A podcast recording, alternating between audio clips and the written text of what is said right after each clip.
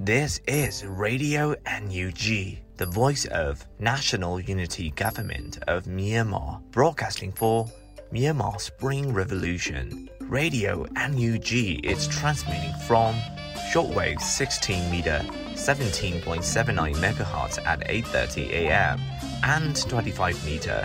11.94 megahertz at 8:30 p.m. Myanmar Standard Time. မင်္ဂလာပါခင်ဗျာ အမျိုးသားညီညွတ်ရေးအစိုးရရဲ့အတန်လွင့်ဌာန Radio NUG ကိုမနက်ပိုင်း၈နာရီခွဲမှာလိုင်းတို16မီတာစက္ကန့်တက်သမ9 MHz ညပိုင်း၈နာရီခွဲမှာလိုင်းတို25မီတာ17တက်သမ6 MHz တို့မှာဓာတ်ရိုက်ဖမ်းယူနိုင်နိုင်ပါပြီ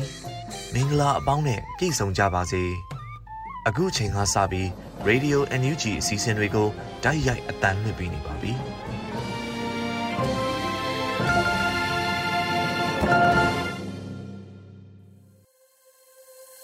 မြန်မာနိုင်ငံသူနိုင်ငံသားအပေါင်းတဘာဝဘေးစစ်အာဏာရှင်ဘေးတို့ကနေကင်းဝေးပြီးကိုယ်စိတ်နှပါဘေးကင်းလုံခြုံကြပါစေလို့ရေဒီယိုအန်ယူဂျီနဲ့အဖွဲ့သားတွေကဆုတောင်းမြတ်တာပို့သလိုက်ရပါတယ်ခင်ဗျာအခုချိန်ကစပြီးကာကွယ်ရေးဝန်ကြီးဌာနရဲ့စစ်ရေးသတင်းအကျဉ်းချုပ်များကိုတော့မောင်ကျူးမှတင်ပြပေးသွားမှာဖြစ်ပါတယ်ခင်ဗျာမျိုးသားညီညွတ်ရေးအစိုးရကာကွယ်ရေးဝန်ကြီးဌာနကထုတ်ပြန်တဲ့နေ့စဉ်စီးရီးသတင်းအကျဉ်းချုပ်ကိုတင်ပြပါတော့မယ်ခင်ဗျာစည်ရင်းများရာ ရန်သူတပ်သား14ဦးသေဆုံးပြီး9ဦးထိခိုက်ဒဏ်ရာရရှိကြောင်းသိရှိရပါတယ်။အာဏာသိမ်းအကြမ်းဖက်စစ်တပ်နဲ့တိုက်ပွဲဖြစ်ပွားမှုသတင်းများကိုပထမဦးစွာတင်ပြပါမယ်ခင်ဗျာ။ချင်းပြည်နယ်မှာ2023ခုနှစ်အောက်တိုဘာလ6ရက်နေ့ကမတူပီမြို့နယ်မတူပီဟာခါလမ်းမပေါ်ရှိခရိုင်ရုံးမှာတက်ဆွဲဝင်ရောက်နေထိုင်တဲ့ရန်သူတပ်သားအင်အား80ခန့်နဲ့ CDF မတူပီတပ်ရင်းနှစ်တို့တိုက်ပွဲဖြစ်ပွားခဲ့ရာရန်သူတပ်သား2ဦးသေဆုံးပြီး CDF မတူပီဘက်ကအထိကိမရှိစုခွာနိုင်ခဲ့ကြောင်းသိရှိရပါတယ်ခင်ဗျာမန္တလေးတိုင်းမှာအော်တိုဘာလ6ရက်နေ့မနက်9:44မိနစ်ခန့်ကတပိတ်ကျင်းမြို့နယ်ဝယုံကုန်းရွာနဲ့ရွှေစကားရွာကြားတွင်တတက73ကထွက်လာတဲ့ရန်သူကားနှစ်စီးကားသီးတစ်စီးအင်အား90ခန့်ပါခြေလျင်စစ်ကြောင်းတို့ကိုကြာညက်ပကဖကမိုင်းလေးလုံးဆွဲတိုက်ခိုက်ခဲ့ပါတယ်။အော်တိုဘာလ6ရက်နေ့ညနေ9:45မိနစ်ခန့်က မရယာမြို့နယ်အောင်ချမ်းသာရွာကထွက်လာတဲ့အင်အား38ဦးပါရန်သူစစ်ကြောင်းကိုမရယာပကဖကမိုင်းဆွဲတိုက်ခိုက်ခဲ့ပါတယ်။ပဲခူးတိုင်းမှာအော်တိုဘာလ9ရက်နေ့မနက်9:30မိနစ်ခန့်က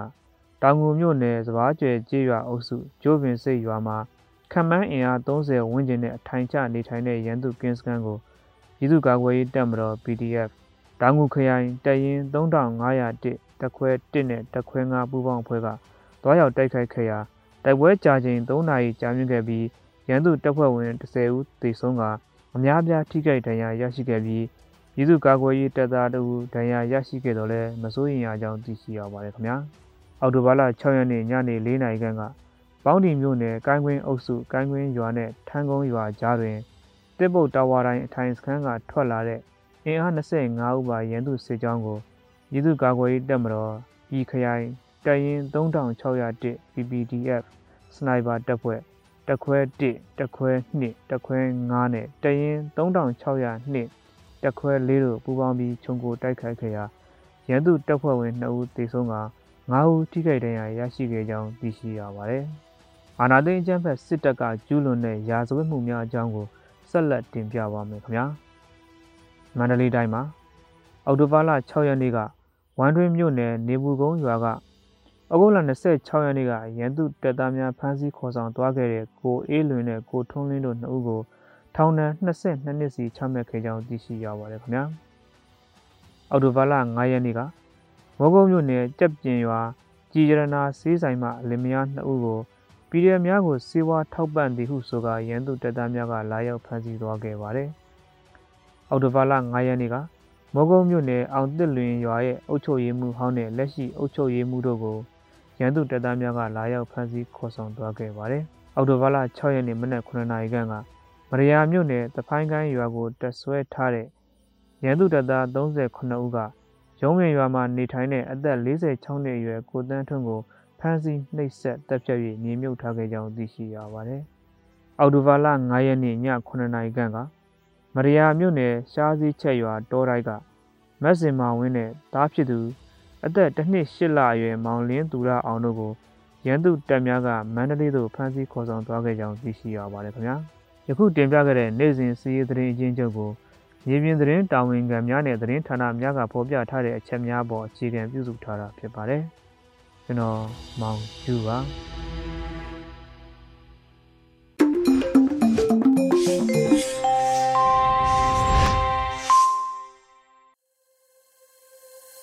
စီးရီးသတင်းအချင်းချုပ်များကိုနားဆင်ကြကြရတာဖြစ်ပါတယ်။ဆက်လက်ထုတ်လွှင့်ပေးမှာကတော့ပြည်တွင်းသတင်းစီစဉ်ပဲဖြစ်ပြီးຫນွေဦးမွန်မှတင်ပြပေးထားပါရခင်ဗျာ။မင်္ဂလာမနက်ခင်းပါရှင်2023ခုနှစ်အောက်တိုဘာလ9ရက်နေ့ Radio NUG ပြည်တွင်းသတင်းတွေကိုတင်ပြပေးသွားပါမယ်။ကျွန်မကတော့ຫນွေဦးမွန်ပါ။ ကုတ်ခိုင်တွင်ဖြစ်ခဲ့သောတိုက်ပွဲမှာနားလည်မှုလွဲမှားခြင်းကြောင့်သာဖြစ်ပြီးတော်လင်းအောင်မြရဲ့နိုင်ငံရေးစီရေးပူးပေါင်းလှုပ်ဆောင်မှာဖြစ်တယ်လို့ SSPP နဲ့ TNL တို့ပူးတွဲထုတ်ပြန်တဲ့သတင်းကိုဦးစွာတင်ပြပေးကြပါမယ်။ရှမ်းပြည်နယ်မြောက်ပိုင်းကုတ်ခိုင်မြို့နယ်မိုင်းယူလေးဒေသမှာဖြစ်ခဲ့တဲ့တိုက်ပွဲနဲ့ပတ်သက်ပြီး SSPP နဲ့ TNL တို့အောက်တိုဘာ6ရက်နဲ့9ရက်မှာနှစ်ဖက်တွေ့ဆုံခဲ့ပြီးနောက်ခုလိုထုတ်ပြန်လိုက်တာပါ။စက်တဘာလ23ရက်နေ့ကကုတ်ခိုင်မြို့နယ်မိုင်းယူလေးဒေသမှာရှမ်းပြည်တိုးတက်ရေးပါတီ SSPP နဲ့ တအောင်ဗလံပြည်သူ့လူမျိုးရေးတပ်တို့ကြားတိုက်ပွဲဖြစ်ပွားခဲ့တာဟာအချင်းချင်းနားလည်မှုလွဲမှားခြင်းကြောင့်ဖြစ်ခဲ့ရတဲ့ပြိပက္ခသာဖြစ်တယ်လို့လည်းအသိပေးထားပါတယ်။မဟာမိတ်တပ်တွေနားလည်မှုလွဲမှုကြောင့်ဖြစ်ခဲ့ရတာကိုအချင်းချင်းတင်မုံချပြီးနောက်မှဒါမျိုးထပ်မဖြစ်ဖို့နဲ့ဒါကိုသင်ခန်းစာယူနိုင်မှုနှစ်ဖက်ဆွေးနွေးညှိနှိုင်းဖြည့်ရှင်းခဲ့တာလို့လည်းသိရပါတယ်။ဒါကြောင့်မဟာမိတ်ဖွဲ့စည်းနှစ်ခုကြားသဘောတူထားတဲ့နိုင်ငံရေးစီးရေးသဘောတူညီချက်တွေကိုအပြန်အလှန်ဆောင်ထိန်ပြီးမြို့သားလူမျိုးရေး တော်လှန်ရေးလုပ်ငန်းများအမြန်ဆုံးအောင်မြင်ရန်ပူးပေါင်းဆောင်ရွက်သွားမယ်လို့ထုတ်ပြန်ချက်မှာဖော်ပြထားပါတယ်ရှင်။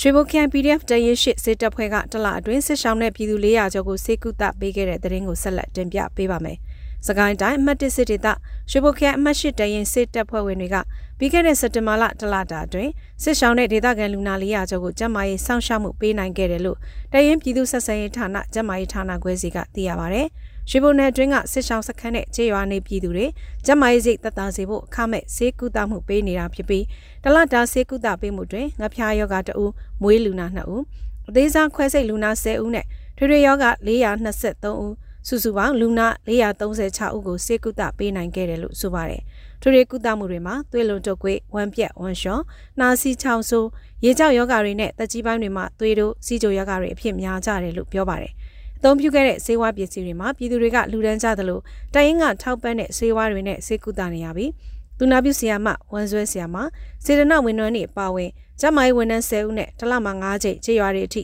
လှည့်လည်ဆေးကုသပေးနေတာဖြစ်ပါတယ်။ဒါအပြင်အမှတ်၈တရင်မှာဒေသခံပြည်သူတွေနဲ့စစ်ဆောင်တွေအတွက်ကျမကြီးဆေးပေးကမ်းကိုယခုနှစ်မေလ20ရက်နေ့ကစတင်ဖွင့်လှစ်ခဲ့ပြီးတနင်္လာနေ့ဆေးဝါးနဲ့စစ်ဆောင်ပြည်သူတွေစီကိုတွားရောက်ကုသပေးနေတယ်လို့ဖွဲ့တာဝန်ရှိသူကပြောပါတယ်ရှင်။ လူမှုကွန်ရက်တွင်နူဒေါ်လာကိုထောက်ခံကြောင်းရေးသားမှုနဲ့ဆက်သွယ်မှုတို့ကြောင့်ဖမ်းဆီးခံရသူ1300ကျော်ရှိတယ်ဆိုတဲ့သတင်းကိုတင်ပြပေးကြပါမယ်။လူမှုကွန်ရက်စာမျက်နှာမှာစစ်ကောင်စီကိုဝေဖန်ပြီးလူထုလှုပ်ရှားမှုတွေနဲ့မျိုးဒေါ်လာအဖွဲ့အစည်းတွေကိုထောက်ခံအားပေးတဲ့ရေးသားမှုတွေနဲ့ပြောဆိုဆက်သွယ်မှုတွေကြောင့်ဖမ်းဆီးခံရသူအရေအတွက်ဟာ1300ကျော်ရှိလာပြီလို့ Data for Myanmar ကထုတ်ပြန်လိုက်ပါတယ်။ လူလူလှုပ်ရှားမှုတွေနဲ့နှွေးဒေါ်လာအဖွဲ့အစည်းတွေကိုထောက်ခံအားပေးတယ်ဆိုတဲ့အကြောင်းပြချက်နဲ့2022ခုနှစ်ဖေဖော်ဝါရီလကနေအခုနှစ်စက်တင်ဘာလအထိဖမ်းဆီးခံရသူ1316ဦးရှိတယ်လို့ဆိုပါတယ်။လူမှုကွန်ရက်စာမျက်နှာကနေလှုံ့ဆော်ခြင်းဝါဒပြန်ခြင်းချင်းချောက်ခြင်းတို့လုပ်မယ်ဆိုရင်ကြမ်းဖက်မှုတိုက်ဖျက်ဥပဒေပုံမှ52ကာကြီး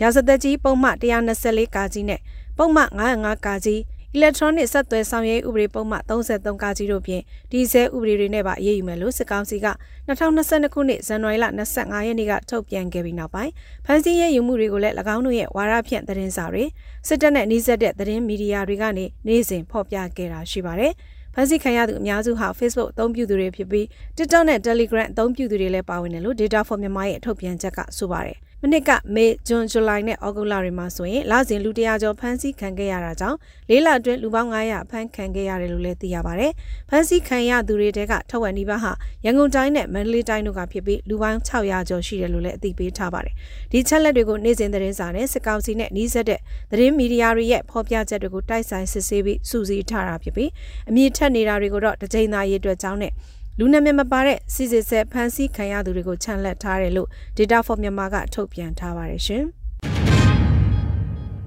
ကကလေးမြို့နယ်မှာဂျမတ်စစ်ကောင်စီတပ်ကအသက်မပြေသေးတဲ့မြေနဲ့အဖွားဖြစ်သူကိုတပ်ဖြတ်ပြီးနေအိမ်များမီးရှို့ဖျက်ဆီးတဲ့တဲ့ရင်ကိုတင်ပြပေးပါအောင်မယ်။စကိုင်းတိုင်းကလေးမြို့နယ်စက္ကန့်ကျေးရွာကိုစစ်ကြောင်းထိုးလာတဲ့စစ်ကောင်စီတပ်ဟာဒေသခံမြေဖွားနှစ်ယောက်ကိုတပ်ဖြတ်ပြီးလူနေအိမ်တွေကိုမီးရှို့ခဲ့ကြောင်းချင်းမြို့သားကာကွယ်တပ်ဖွဲ့ CNDF UCR ကအော်တိုဘာလ9ရက်နေ့မှာထုတ်ပြန်ထားပါတယ်။ အော်တိုဘာ9ရက်နေ့နံနက်ပိုင်းကကလေးမြို့နယ်တောင်ပိုင်းစက္ကန့်ကျေးရွာကိုအင်အားတရာခန့်မှစစ်ကောင်စီစစ်ကြောင်းဝင်ရောက်လာတာကြောင့်ဒေသခံတွေရှောင်တိန်ခဲ့ရတာဖြစ်ပါတယ်။အဲ့နောက်ကျေးရွာအတွင်းခစ်တပြန်လာတဲ့အသက်69နှစ်အရွယ်နူးငိုက်နမ်နဲ့အသက်14နှစ်အရွယ်ဆလိုင်းဘန်ပွေလျံတို့မိဖွားနှစ်ဦးဟာ၎င်းစစ်ကောင်စီစစ်ကြောင်းနဲ့တိုးခဲ့ပြီးဖမ်းဆီးတပ်ဖြတ်တာကိုခံခဲ့ရပါတယ်။သူတို့နှစ်ယောက်စီပေးရှောင်းတဲ့နေရာကနေ မုံညင်းသွားယူအောင်မယ်ဆိုပြီးရွာထဲပြန်သွားကြတာအဲ့ဒီမှာဖမ်းပြီးအသက်ခံရတာသူသားလေးကိုဖုန်းဆက်တော့စစ်ကောင်စီတယောက်ကကင်ပြီးတေးသွားကြပြီလို့ပြန်ပြောတယ်။လောင်းတဲ့စိုက်ကယ်ကိုကမီးရှို့လိုက်ကြတယ်လို့ CMD ကပြောရေးဆိုခွင့်ရှိသူစလိုင်းဂျွန်ငိုင်းကပြောပါတယ်။ ဒါအပြင်ရွာထဲမှာကျန်ခဲ့တဲ့မတန်ဆွဲမြို့သားတအုပ်အသက်ရှင်မရှင်ကိုသတင်းမရရှိသေးဘူးလို့လည်းသိရပါတယ်။စစ်ကောင်စီတပ်စစ်ကြောင်းထုတ်လာချိန်ဒေသခံကာကွယ်တပ်များနဲ့အထိတွေ့မှုများဖြစ်ပွားခဲ့ပြီး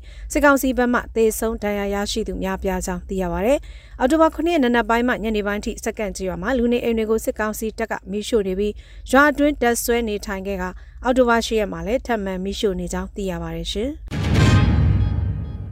မြို့ပြလှုပ်ရှားမှုတွေပိုအားကောင်းလာစေဖို့ကိုမမလက်လုပ်ပစ္စတိုအစစ်မြင့်ထုတ်လုပ်တဲ့တဲ့ရင်ကိုဆက်လက်တင်ပြပေးပါအောင်မယ်။မြို့ပြပျောက်ကြားလှုပ်ရှားမှုတွေပြုလုပ်တဲ့အချိန်မှာပိုပြီးလွယ်ကူအားကောင်းစေဖို့ကိုမမလက်လုပ်ပစ္စတိုတနက်တွေကိုအစစ်မြင့်ထုတ်လုပ်လိုက်တယ်လို့အမရပူရစစ်တီတော်တပ်ဖွဲ့ကပြောပါတယ်။အမရပူရစစ်တီတော်တပ်ဖွဲ့ဟာမန်လေးတိုင်းကဒေသခံကာကွယ်ရေးတပ်ဖွဲ့တစ်ခုဖြစ်ပြီးလက်ရှိမှာစကိုင်းတိုင်းတွင်းခြေစိုက်လှုပ်ရှားနေတာဖြစ်ပါတယ်။ ရခိုင်ကလေးကလက်နက်ထုတ်လုပ်မှုတွေကိုလှုပ်ဆောင်နေတဲ့ဖွဲ့တစ်ခုဖြစ်ပြီးမြို့ပြပျောက်ကြားလှုပ်ရှားမှုတွေအတွက်ပိုပြီးအသုံးပြုရလွယ်ကူသလိုပေါ်ပါတဲ့ပစ္စတိုတနက်ဖြစ်အစစ်မြင့်ထုတ်လုပ်လိုက်တာလို့သိရပါတယ်။ထုတ်လုပ်တာလည်းမတူတော့ဘူးနီးစနစ်လည်းပိုပြီးကျလာတာပေါ့ပိုပြီးအစစ်မြင့်ပေးလိုက်တာတနက်ကလည်းလက်ထဲမှာတင်ပျောက်တလောက်ဖြစ်သွားတာပေါ့မြို့ရင်းမစ်ရှင်တွေပြူဒလန်ရှင်းလင်းရေးတွေမှာအဓိကထားအသုံးပြုဖို့ပဲဦးစားပေးထုတ်နေတယ်လို့တပ်ဖွဲ့ကောင်းဆောင်ဘိုးမိုးလင်ကပြောပါတယ်။စစ်မြင့်ပြီးထုတ်လုပ်ထားတဲ့လက်နက်တွေဟာတန်နယ်ကိုတုံးထားတာမဟုတ်တဲ့အတွက် ရဲဘော်ရီမစ်ရှင်ပြုလုပ်ခြင်းမှာတန်ကြီးတက်လို့ကြီးညက်တာတွေဖြစ်မှာမဟုတ်သလိုလက်ထဲမှာကင်တွင်ရပိုလွယ်ကူအောင်အသေးစားထုတ်လုပ်ထားတာလို့ဆက်ပြောပါရယ်ဒီလက်နက်ထုတ်လုပ်မှုတွေကရောင်းချဖို့မဟုတ်ပဲတော်လိုင်းအကျိုးကိုပဲရည်ရွယ်ထားပြီးမြေပြင်တော်လိုင်းအဖွဲ့တွေအနေနဲ့ဒီပညာနဲ့လက်နက်လိုအပ်ပါကအမှန်တကယ်လှုပ်ဆောင်နေတဲ့အဖွဲ့အစည်းဟုတ်မဟုတ်စစ်စစ်ပြီးကူညီပေးသွားမယ်လို့လည်းဆိုထားပါရရှင် စကိုင်းမှာဂျမတ်စကားနှစ်စီးကို PDF ကပရိသာမိုင်းနဲ့တိုက်ခိုက်ဒစီအထိမှန်ပျက်စီးတဲ့တဲ့ရင်ကိုလည်းတင်ပြပေးပါမယ်။စကိုင်းနယ်ဒေသကြီးစကိုင်းမြို့နယ်မှာဂျမတ်စကောင်စီလက်အောက်ခံစားတော်ရဲစခန်းကနေထွက်ခွာလာတဲ့စကားနှစ်စီးကိုစကိုင်းပြည်သူ့ကာကွယ်ရေးတပ်ဖွဲ့ကပရိသာမိုင်းနဲ့စောင့်ကြိုတိုက်ခိုက်ခဲ့တယ်လို့သိရပါဗျ။ဂျမတ်စစ်သား60ခန့်တင်ဆောင်လာတဲ့အဲ့ဒီကားကြီးနှစ်စီးကိုအော်တိုဘာ6ရက်မနက်2နာရီချိန်ကမှပြည်သူ့ကာကွယ်ရေးတပ်ဖွဲ့ PDF စကိုင်းခရိုင်တရင်နှင့်တက်ခွဲလေးကစောင့်ကြိုတိုက်ခိုက်ခဲ့ပြီးကားတစ်စီးမိုင်းထိမှန်ပျက်စီးခဲ့ပါတယ်။၎ င်းမိုင်းထိမှန်သွားတဲ့စစ်ကားကိုစန္ဒဘိန်းကားဒစီနဲ့လာရောက်ဆွဲယူသွားခဲ့တယ်လို့စကိုင်းခရိုင်မှတ်နှစ်တရင်ပြည်သူ့ကာကွယ်ရေးတပ်မတော်ကအောက်တိုဘာ9ရက်ရက်စွဲနဲ့သတင်းထုတ်ပြန်ထားပါတယ်။ပြည်သူ့ကာကွယ်ရေးတပ်ဖွဲ့ကရဲဘော်တွေထိခိုက်မှုမရှိခဲ့ဘူးလို့သိရပြီးဂျမတ်စစ်သားထိခိုက်သေးဆုံးမှုကိုအတိမပြုနိုင်သေးပါဘူး။ရဲဘော်များရဲ့လုံခြုံရေးနဲ့နယ်မြေအခြေအနေတွေကြောင့်သတင်းတင်ပြမှုကိုအချိန်ခွာထုတ်ပြန်ရခြင်းဖြစ်တယ်လို့စကိုင်းခရိုင်တရင်နှစ်ကအသိပေးထားပါတယ်ရှင်။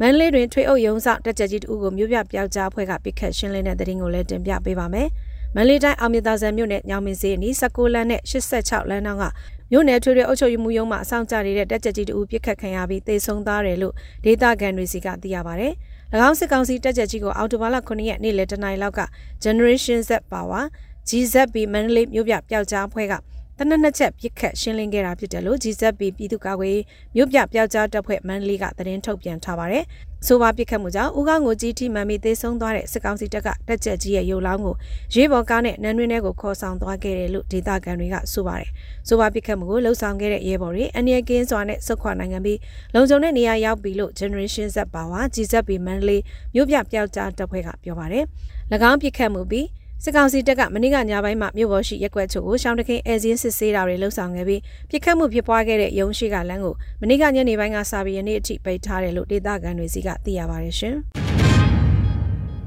ဂျပန်ရောက်မြန်မာများစစ်ကောင်စီတန်းကိုကွန်မဆောင်ရေးတိုဂျိုရှိမြန်မာတန်ယုံရှိတွင်ဆန္ဒပြတဲ့တဲ့ရင်ကိုဆက်လက်တင်ပြပေးပါမယ်။စစ်ကောင်စီထံကွန်မဆောင်ရေး passport သက်တမ်းမတိုးရေးလှုပ်ရှားမှုဖြင့်တိုဂျိုမြို့ရှိမြန်မာတန်ယုံရှိမှာဂျပန်ရောက်မြန်မာများဆန္ဒပြခဲ့တယ်လို့သိရပါတယ်။၎င်းဆန္ဒပြပွဲကိုအောက်တိုဘာ6ရက်နေ့ကမွန်လွဲ3နာရီမှ9နာရီထိပြုလုပ်ခဲ့ကြပြီးမြန်မာနိုင်ငံသားအလုံသမားသမဂ္ဂများအဖွဲ့ချုပ် FWUBC ကဦးဆောင်ကဂျပန်ရောက်မြန်မာနိုင်ငံသားများပါဝင်ခဲ့တယ်လို့သိရပါတယ်။ ခွန်ဆောင်တဲ့ပတ်စံတွေကအတိုင်းပြည်ထူထောင်ရေးအတွက်မဟုတ်ပဲပြည်သူလူထုကိုနိုင်ကျင့်နှိပ်စက်သက်ဖြတ်မဲ့ပဲရောက်သွားမှာဖြစ်တဲ့အတွက်ဒါကိုလုံးဝလက်ခံလို့မရပါဘူး။များပြည်သူရွေးချယ်တင်မြှောက်ထားတဲ့ဒီမိုကရေစီအစိုးရမဟုတ်ဘဲနဲ့ လက်နက်အားကိုပြီးအကြမ်းဖက်နေတဲ့အကြမ်းဖက်အုပ်စုကိုဘယ်လိုမှလက်ခံလို့မရဘူးဆိုတဲ့အနေအထားကိုပြရင်းနဲ့လောက်တာဖြစ်ပါတယ်လို့မြန်မာနိုင်ငံသားအလုံသမားသမဂ္ဂများအဖွဲ့ချုပ် FWUBC ရဲ့ဥက္ကဋ္ဌဦးမြင့်ဆွေကပြောပါတယ်။ဆန္ဒထုတ်ပွဲပဲမှာစစ်အုပ်စုတွေကိုလုံးဝအခွင့်မဆောင်ဘူး။ passport သက်တမ်းခိုးပြီးမတိုးဘူး။စစ်အုပ်စုကထုတ်တဲ့မိန့်အာဏာတွေစန့်ကျင်ကြ။လူဦးတော်လင်ရေးကမုတ်ချနိုင်မှာငါတို့သိတဲ့စတဲ့အချက်လေးချက်ကိုအဓိကထားလှုံ့ဆော်ခဲ့တယ်လို့ဆိုပါတယ်။ပြည်ပရောက်လုံသားများသည့် သက်ဆိုင်ရာနိုင်ငံလိုက်သတ်မှတ်ထားသည့်ခွန်များကိုပေးဆောင်နေရသည့်အတွက်မြန်မာပြည်သို့ဝင်ငွေကုန်ထပ်မံပေးဆောင်ရပါကခုနှစ်ထပ်ပေးဆောင်ရမည့်အခြေအနေကြုံတွေ့နေရတာလည်းဖြစ်ပါတယ်။ဂျပန်အစိုးရနဲ့မြန်မာအစိုးရတို့ချုပ်ဆိုထားတဲ့အထက်မှာအလုတ်သေးနဲ့ကျွမ်းကျင်လုပ်သားနှစ်မျိုးကိုနှစ်ထပ်ခွန်မဆောင်ရပါဘူးဆိုတဲ့အချက်တွေပါပြီးသားပါသူတို့မှမရှိမဲ့ရှိမဲ့လေးနဲ့လာရတယ်ရတော့လဲနှစ်ပြားတပဲအဲ့ဒါကမှသူတို့က30ရာခိုင်နှုန်းထပ်ပြီးကောက်ချင်တယ်ဆိုရင်တော့ဂျိုနဲ့တရေပဲကျန်တော့မှာပေါ့အဲ့ဒါကြောင့်ကျွန်တော်တို့ကန့်ကွက်တာပါလို့ FWUBC ဥက္ကဋ္ဌကဆိုပါတယ် လက်တလုံးမှာပြည်ပထုတ်ခါမဲ့လုံသားများရဲ့အလုပ်စာချုပ်များမှာမြမပြည်သို့အခွန်ပေးဆောင်ရတဲ့ခွန်ပြန်လဲပေးဆောင်နိုင်ခြင်းမရှိပါက၃နှစ်ပြည်ပထွက်ခွာခွင့်ပိတ်သိမ်းမယ်လို့ချင်းချောက်ပြောဆိုတာတွေရှိတယ်လို့သိရပါတယ်ရှင်။ခုတင်ပြခဲ့တဲ့သတင်းတွေကို Radio Energy သတင်းတောက်ကိုခန့်နဲ့မင်းစစ်သွေးတို့ကပေးပို့ထားတာဖြစ်ပါတယ်ရှင်။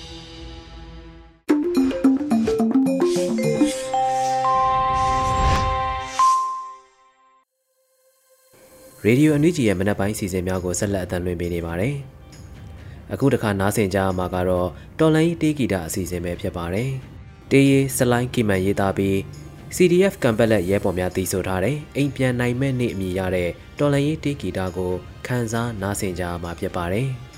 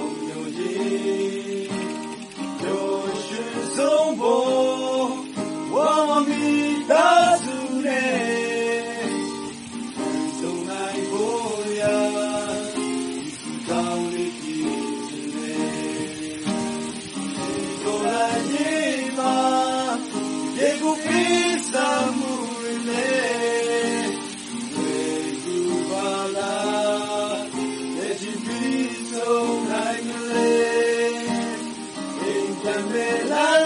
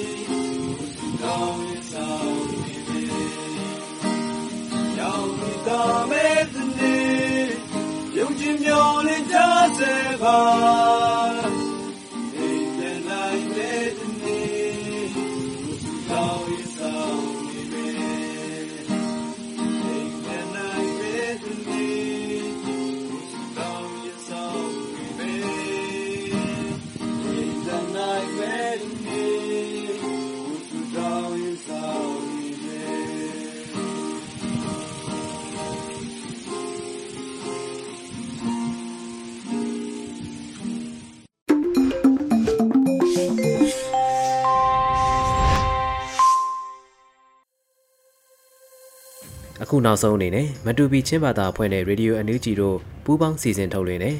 Weekly News တိုင်းသားဘာသာစကားအစီအစဉ်ပဲဖြစ်ပါတယ်။ The Matupi Times မှာတင်ပြပေးထားပါတယ်ခင်ဗျာ။ The Matupi Times ol thanglam kalo kutbai kentugu thongni le kumkul kumthum October tha ayal khatna ol thangna da adang ka bangla hol omni apakhatna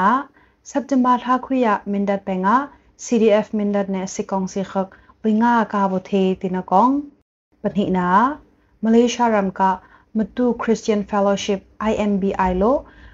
khalkhel bu MCRC hamla India tangka tingkhat le thongsam street thongrok ade adan tinakong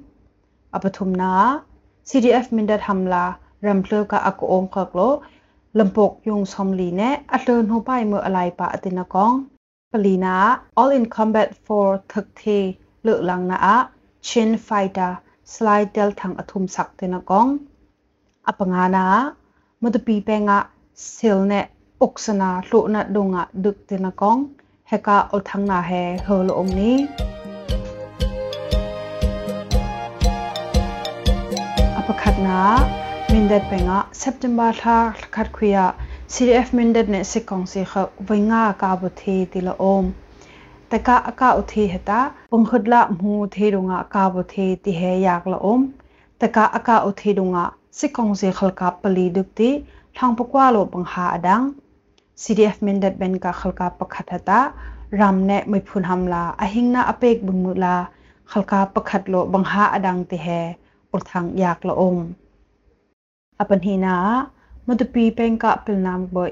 ก็รำขัลอลุงลีลาอมดงะมิโซรัมลาขัลอักเขลเฮทางท่องเรศไทยฮัลโหลซึงติกะขัลอักเขลขกโลมตุเปิลนามกะอังเงออังไงนาทิกอัจซาลาสายฮัมลามตุปีชิน refugee committee MCRC เฮอสินละอมแต่กะ MCRC committee เข้มตาสมลีประเทศแห่พังสังละอมอมีขคำละมาเลเซียรำละอกพามตุ Christian Fellowship IMBI โล อินเดียตังกาติงคัดเลทองซอมสตรีทองรุกไทยอเดอร์ดันละอมติ MCRC ลงอาอุ้มซิลทุยนาโปรแกรมขอเผยอาศัยท้องนี่แหละกุมกุลกุมทุมจลายทาขอ MCRC เบนโลปตงคำซาคคำลาบมนาอเปกุอปทุมนา CDF Mindat Hamla International Mindat Show Organization IMCO Heal the World နဲ့ CEA Norway အမိခကဘုံယုံနခန်းနဲ့ AK47 lumpok somli sakhup thongthleng hi chibok ya le pukul he alai pala omti thongni le kumkul kumthum september tha nikul reda CDF mindat lo umna poi asayu IMCO lo thongni le kumkul kumni jun tha CDF mindat ham lumpok kyung somli lai ham US dollar tingkhat le thongsom ret thonga hu ham project atong lo om တဘင်းမူလာဒေါတာအငင်းလိုအမော်ဟီလ်ဒ်ဝေါ်နဲ CEA Norway လမ်ဂလိုဒေါ်လာထုံဆုံထုံထုံငါဟခေါ်အတုံပလအုံဒီတိဟိကဘင်္ဂလာအရမ်ဆာလာလဘုတ်ခိုင်ဆာအလိုက်ထိုင်တလာအုံ International Miniature Organization ဟတာထုံနီလေကုမ်ကုလ်ကုမ်ခတ်နိုဝင်ဘာလာနိနိဝငါအဆွန်လိုအုံဒီ Federal Democracy Hamla သာအကဟောကုမ်လိုအုံဒီဟဲမင်းလိုအုံအပလီနာ all in combat for le lang na a akathum salai tel thang the dragon leg heta MMA akalum kum la om ani heta American drama thong ni le kulkum kum thum nom ba tha ni lekhada asai all in combat for boya American thang Chris Organ ne thakoi la om ni tel thang ne akathakoi ham thang heta akum kumkul kum sri halo lo om ti pro MMA record ata vaisha athakuya vaisri tana adangkung la om del thang heta thongni le kumkul kumthum akasthani lekwa all in combatry uh, Darius Johnson ne thokut khoiti amhak ne tana adangkung la om apangana mutpi penga tehena silne oksana he thluna donga mu duktela ol thang yak la om silheta ko honga akalumla omban mangla sort let kho khai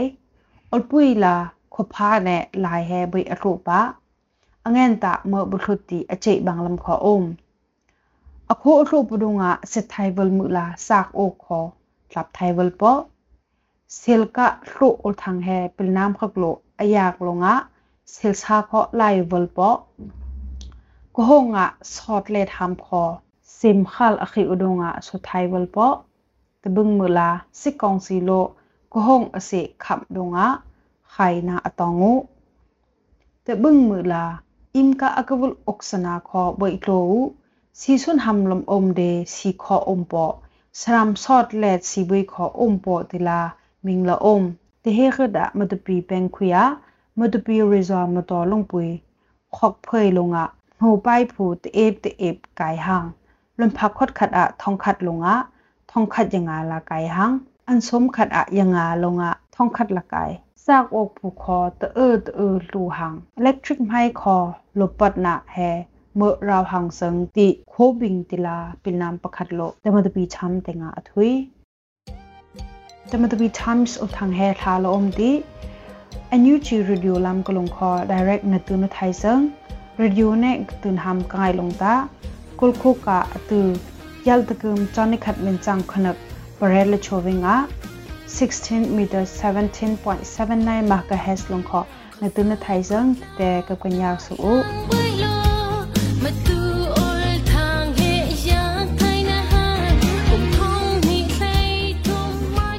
Hadabi chams ol thang ka tu na so baya bang kom ngai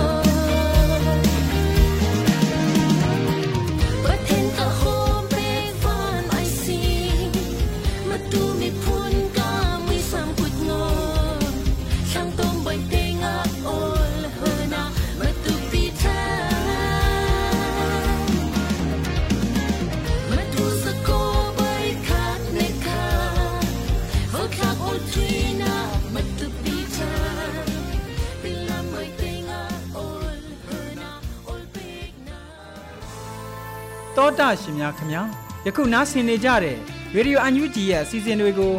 ရေဒီယိုလေးလိုင်းပေါ်မှာတိုက်ရိုက်ဖမ်းယူနားဆင်နိုင်တယ်လို့ website YouTube Telegram Facebook အစရှိတဲ့အခြားသော internet platform မျိုးစုံမှာလည်းမနေ့တစ်ကြိမ်ညတစ်ကြိမ်ပုံမှန်ထုတ်လွှင့်ပေးလျက်ရှိပါတယ် YouTube ပရိသတ်များအနေဖြင့် Radio UNG Channel ဖြစ်တဲ့ youtube.com/radiounug မြန်မာကိုဝင်ရောက် subscribe လုပ်ထားပြီးတော်လိုင်းရစ်အတွက်ထောက်ပို့ဝင်ငွေများကို တစ်ဖက်တစ်လမ်းကပါဝင်ကူညီနိုင်တဲ့အကြောင်းအသိပေးတင်ပြအပ်ပါတယ်ခင်ဗျာ